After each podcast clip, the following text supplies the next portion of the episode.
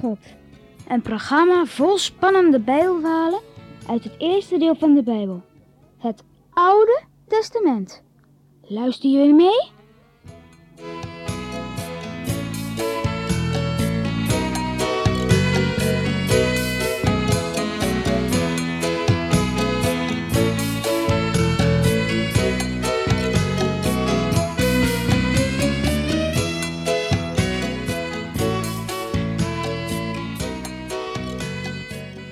Zolang Deborah nog leefde en de Israëlieten hielp, gaat het allemaal goed.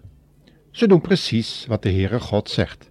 Maar Deborah wordt oud en uh, dan knielen ze alweer voor een beeld. Voor een beeld voor de afgod Baal. Ze denken dat die afgod voor hen zorgt. Wat is het toch verdrietig dat de Israëlieten de Heere God telkens vergeten. Dat mag niet. En daarom stuurt de Heere God weer vijanden naar hen toe. Deze keer zijn het echte rovers. Ze komen met een hele bende in het land. Ze stelen alles wat de Israëlieten maar van hun eigendom hebben. Ook de schapen en de koeien. En ze maken het korenstuk dat op het land staat. De Israëlieten kunnen die rovers niet wegjagen, want de Heere God helpt er niet meer. Ze zijn zelfs doodsbang voor die wilde rovers. Oh, wat gaat het slecht met die mensen van Israël. Ze worden steeds armer en ze hebben bijna geen eten meer. Dan bidden ze tot Baal of die hen wil helpen. Maar er gebeurt natuurlijk niets, want Baal is maar een beeld. En dan denken de Israëlieten weer aan de Heere God. Alleen de Heere God kan hun helpen om de rovers weg te jagen. Dat begrijpen ze nu wel. Ze gaan weer tot de Heere God bidden. En ze zeggen, Heere, het spijt ons dat we u waren vergeten. Wilt u ons alstublieft weer helpen? Eh, zal de Heere God het nog wel doen, denk je? Ja hoor, luister mee eens wat, onder welke voorwaarden de Heere God wil helpen. Want dan doet hij het vast hoor.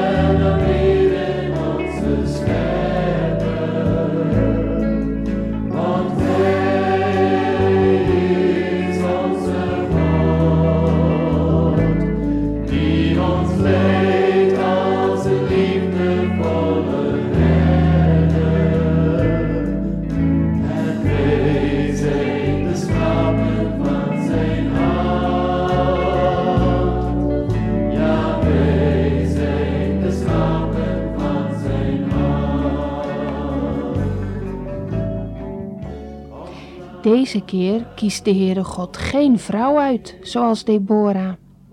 Deze keer kiest hij een jonge man uit. En die jonge man heet Gideon. Gideon, Gideon heeft op een dag gauw wat koren gemaaid. Straks komen de rovers weer om al het koren stuk te maken.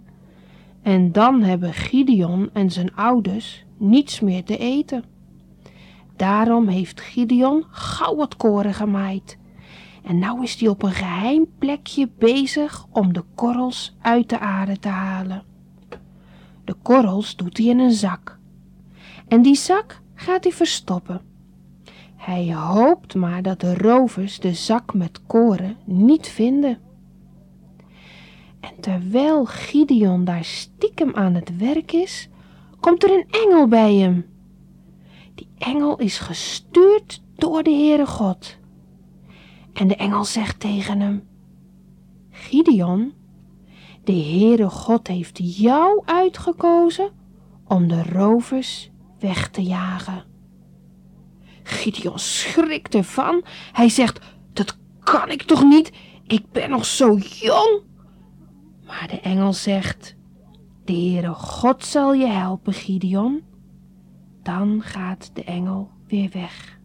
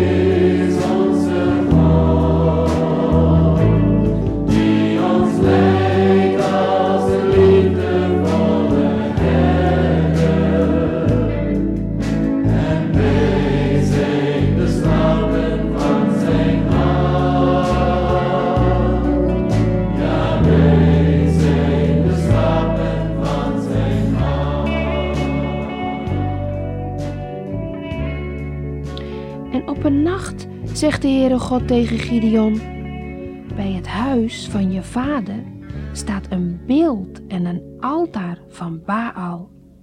Maak dat beeld en dat altaar stuk, Gideon, en bouw dan van stenen een nieuw altaar voor mij. Op dat nieuwe altaar moet je een offer aan mij brengen. Nou, Gideon die durft dat niet zo goed. Veel mensen knielen nog steeds voor het beeld van Baal. En die mensen zullen woedend zijn als, Gideon hun, als Gideon hun beeld stuk maakt. Maar als de Heere God het zegt, moet hij het natuurlijk wel doen.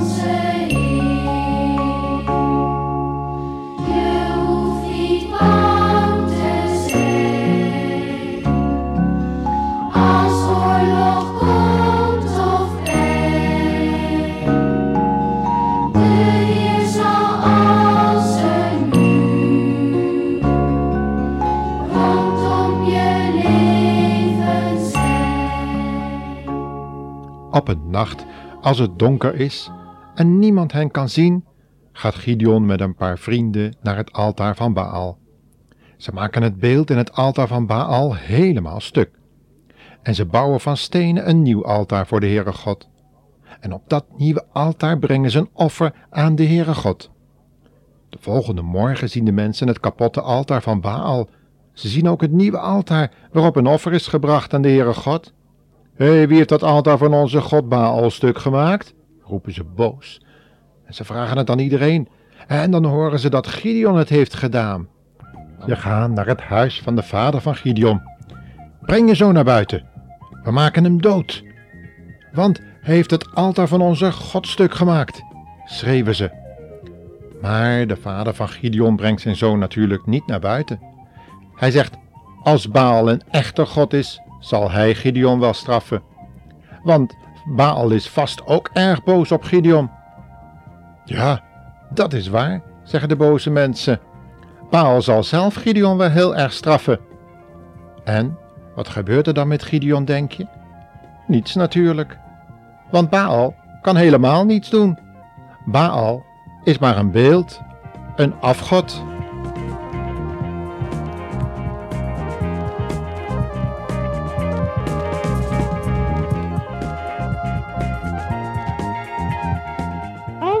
Uit deze programmaserie kun je nalezen in een speciale Bijbeluitgave die Het Boek genoemd wordt.